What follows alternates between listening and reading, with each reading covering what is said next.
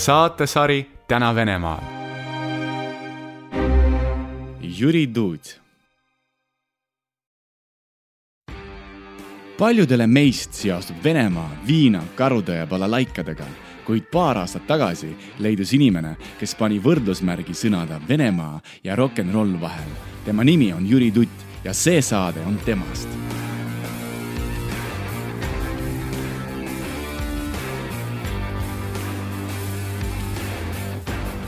Jüri Tutt on erakordne nähtus tänases Vene ajakirjanduses. mina sain temast teada samal ajal kui enamus tema praegusest jälgijatest, kui ütelda täpselt, siis kolm ja pool aastat tagasi. sellest hetkest, kui tema Youtube kanalile Vdut ilmus tema esimene intervjuu Venemaa kõige kuulsama räppariga Bastaga.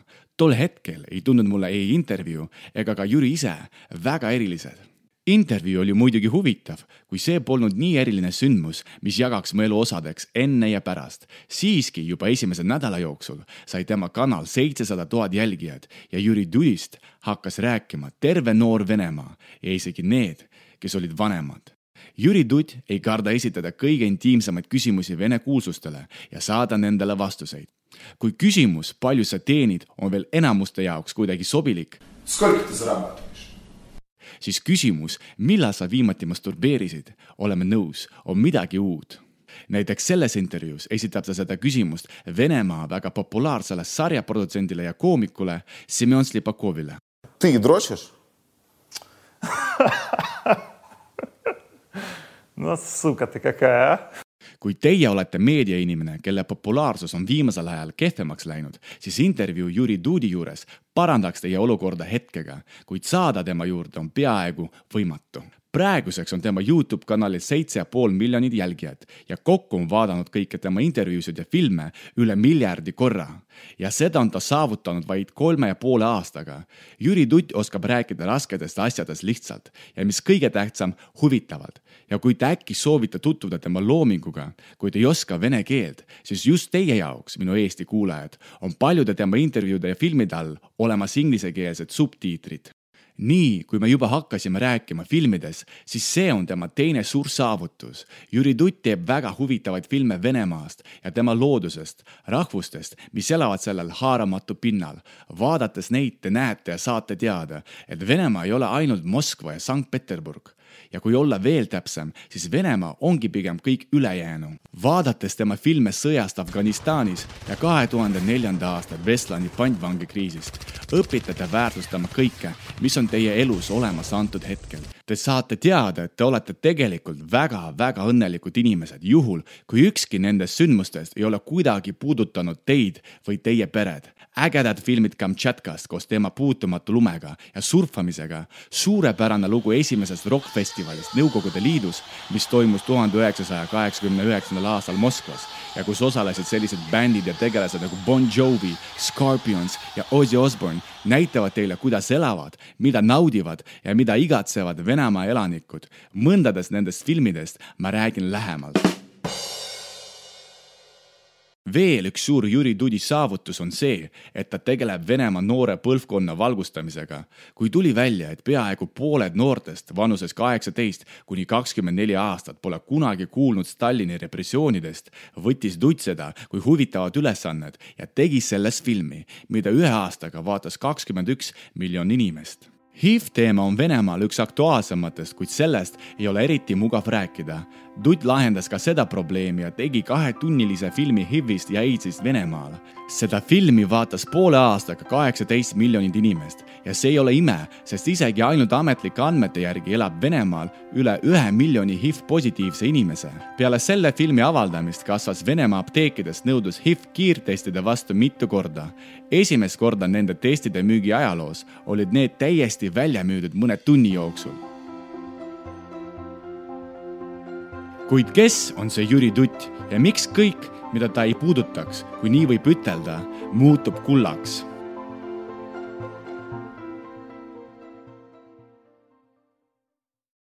Jüri Dutt on kolmkümmend kolm aastat vana. pikemat aega oli ta tuntud kui spordiajakirjanik, kes töötas riiklikel kanalitel ja kajastas jalgpalliuudiseid kuni hetkeni, kui kahe tuhande seitsmeteistkümne aasta veebruaris otsustas ta riskida ja teha oma esimese autori intervjuu kõige kuulsama Venemaa räppariga Bastaga.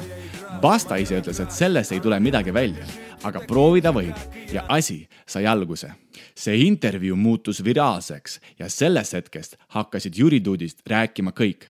Jüri Dudi juurde tulid tänase Venemaa suurimad tegelased, sellised nagu Mihhail Khodorkovski, Aleksei Navalnõi, Vladimir Žirinovski, Nikita Mihhalkov ja paljud teised tuntud oma ala professionaalid. iga oma intervjuu lõpus ootab saatekülalist välkküsitlus, mis lõpeb alati küsimusega, kui oleksite Putini ees, siis mida te ütleksite talle? Оказавшись перед Путиным, что ты ему скажешь? tegelikult on see küsimus satiiriline viide Vladimir Posneri saatele, kes oma külalistele analoogiliselt Jüri Dudile esitab küsimuse Marcel Prustilt. kui oleksite Jumala ees, mida te ütleksite talle? Оказавшись перед Всевышним, что ты ему скажешь? Muuseas, Jüri Dudi Youtube kanal ei ole nimetatud nii mitte kogemata. kui perekonnanimele Dutt lisada V-täht ette, siis me saame tegusõna vdut, mis slängis tähendab sisse lükata, mõeldes mingile ilusale naisele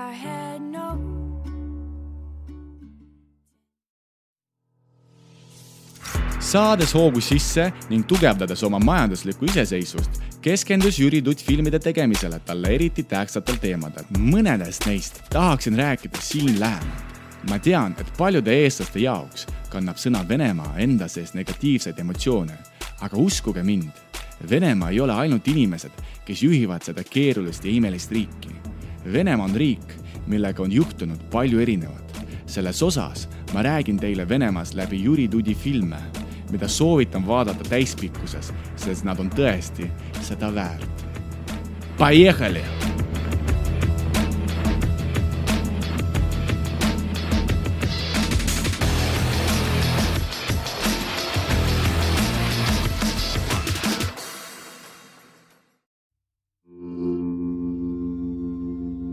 Õues on miinus viiskümmend viis ja see on Kalõma. väga ilus ja väga karm ääreala, hirmutava minevikuga ja keerulise olevikuga. pikemat aega oli Kalõma Stalini repressioonide tugipunktiks. see oli üks õudsemaid perioode Venemaa ajaloos. Neid kohti läbis üle miljoni vahistatu, kusjuures paljud nendest ei olnud kunagi korda saatnud mingeid kuritegusid. Kümned tuhanded ei jõudnud siit tagasi koju sajad tuhanded jõudsid, kuid katkise tervise ja rikutud eluga. Gulagi vangi võetud kaevandasid siin kulda, tina, uraani ja muid tähtsaid maavarasid. just nende sõnadega algab Jüri Dudi film Kalõmast, sellest samast kohast, mis on eestlaste jaoks tuntud kui Siber selles filmis võtab Jüri intervjuusid inimestelt, kelle pereliikmed olid teenimatult saadetud Siberisse. kahtlemata enamus selle filmi kangelastest halvustab karmi Stalini poliitikat oma rahva vastu, kuid on ka selliseid, kes kiidavad tema otsuseid sõltumata sellest, et nende vanemad saadeti põhjuseta kohtadesse, millest oli väga raske tagasi tulla. see film tekitas suure järellainetus Vene meediaruumis paljud Stalini pooldajad hakkasid filmi karmilt kritiseerima ja kaitsma oma iidolit, üteldes, et Gulagis suri mitte miljon inimest, vaid ainult mitusada tuhat, nagu see mingil moel õigustaks Stalinit. vaidlused selle filmi ümber tegid temast tõelist sensatsiooni Vene internetiavaruses. praegu on seda filmi läbi vaadanud juba kakskümmend üks miljon korda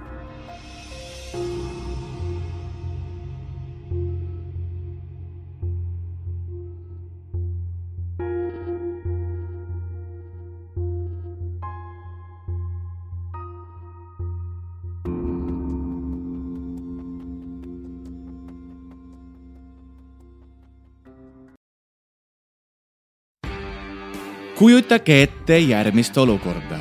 Nõukogude Liit, perestroika, kaheksakümnendate lõpp, sajad karmid vaikerid tervest riigist saavad kokku Moskvas ühe eesmärgiga, väljendada armastust oma kangelasele Ozzy Osbourne'ile.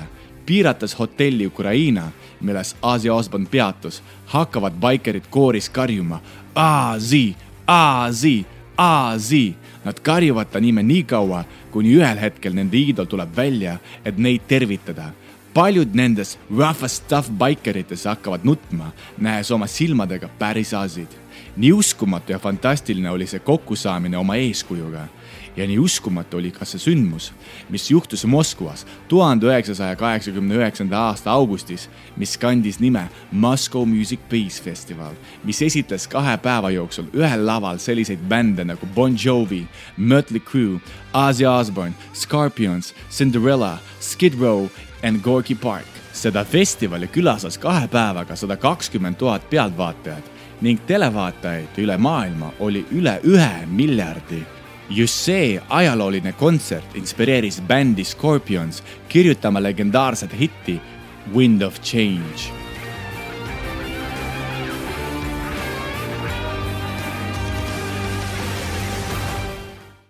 aga kõigepealt, kuidas see sai võimalikuks Ameerika muusikamänedžer Doug McGee oli seatud väga suure narkoäriga. Selleks, et mitte vangi minna, pidi ta agarasti ja lahkelt hakkama tegelema heategevusega, mis oleks pühendatud narkootikumide tarbimise vastu. üheks sellise heategevuse tulemuseks sai esimene rokkfestival Nõukogude Liidus. ehkki perestroika kogus kriminaalhoogu, ei olnud raudne eesriie veel lõpuni maas. samas inimesed, kes elasid Nõukogude Liidus, armastasid rokkmuusikat ja tuhande üheksasaja kaheksakümne üheksanda aasta augustil tulid nende armastatud artistid neile külla, et esineda oma fännide ees.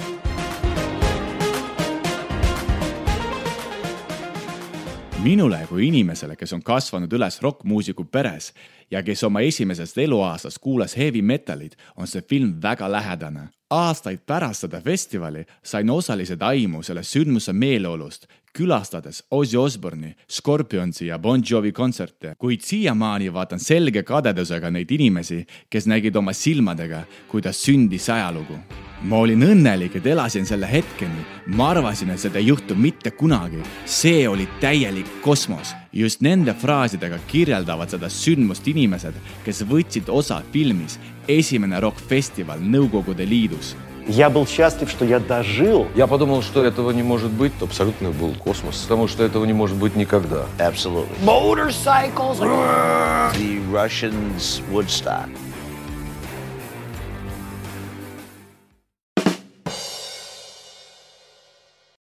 ma olen alati mõelnud selle peale, kui hästi on geograafiliselt asetatud Eesti riik, sest mitte igal riigil pole väljapääsu merele.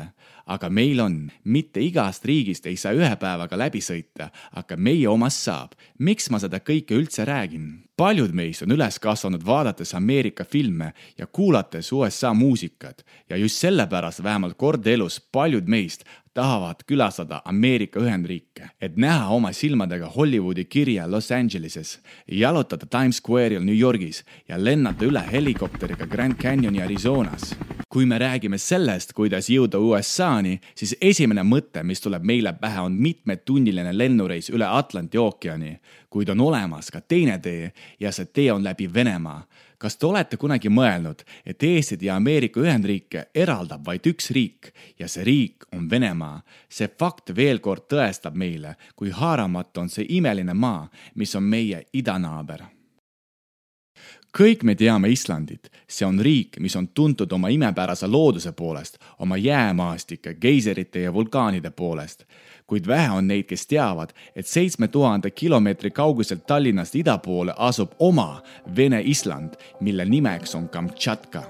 Kamtšatka on poolsaar, mis on kuulus kõigepealt oma puutumatu lumega. sellist lund jahivad mäesuusa ja lumelaua fännid tervest maailmast Kamtšatka on kuulus ka võimaluse poolest surfata Vaikse ookeani jäises vees ja muidugi on ta tuntud oma vulkaanidega. Muuseas, Kamtšatkal asub ainuke tegutsev vulkaan maailmas, mille kraatri sisse saab minna ja kust saab välja tagasi tulla. Erinevate andmete järgi asub Kamtšatkal mitusada kuni tuhat vulkaani, neist kakskümmend üheksa on tegutsevad. see muudab Kamtšatkat kõige kuumemaks kohaks meie planeedil. Ja kui statistiliselt Islandil üks vulkaanipurse toimub kord nelja aasta jooksul, siis Kamtšatkal saab vaid aasta jooksul garanteeritult näha kolmest kuni seitsme purskeni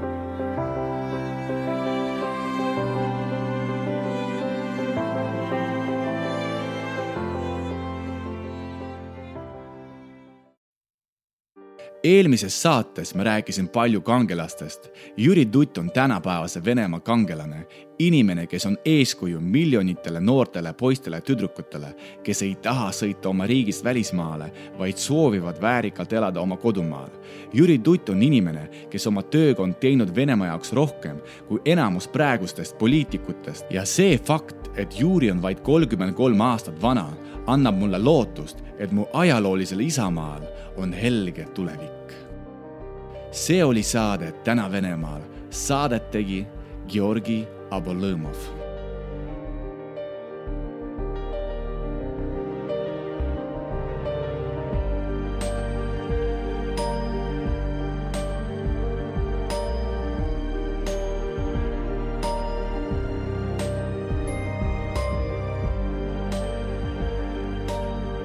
nagu alati saate lõpus hea muusika Venemaalt.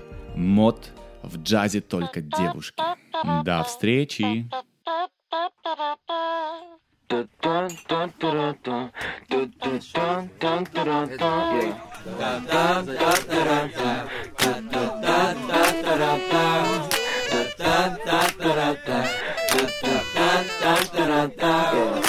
друг как-то сказал собой час Но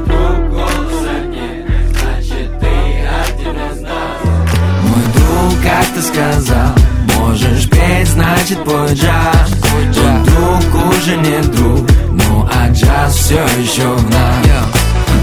Джазе только девушки, окей, допустим. Тогда значит в рэпе только пацаны. Только тс, только с. Вот такими вот большими яйцами Можно в этой рэпе очень заиграться. Вспомни джазмен про свою. Разбитую там душу Вспомни про то, как я тебе нечего кушать.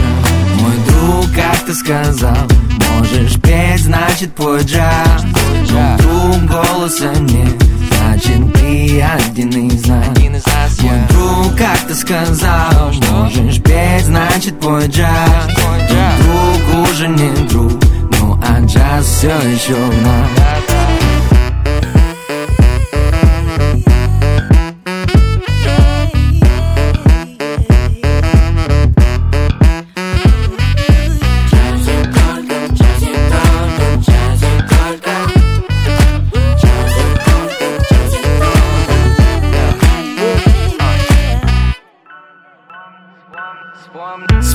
Вспомни, Джазмин, про свою убитую душу Как семье нечего кушать. Ты все помнишь, как и сейчас. Yeah. Вспомни, Джазмин, про холодную воду в душе. Про твою убитую двушку. И как там родился твой джаз yeah. Джазе только девушки, я бы поспорил. Парни по ферме играют и у них гастроли. В рэпе только пацаны, я бы поспорил. Есть такие персонажи, просто грех не тролль Мой друг как-то сказал Можешь петь, значит пой джаз.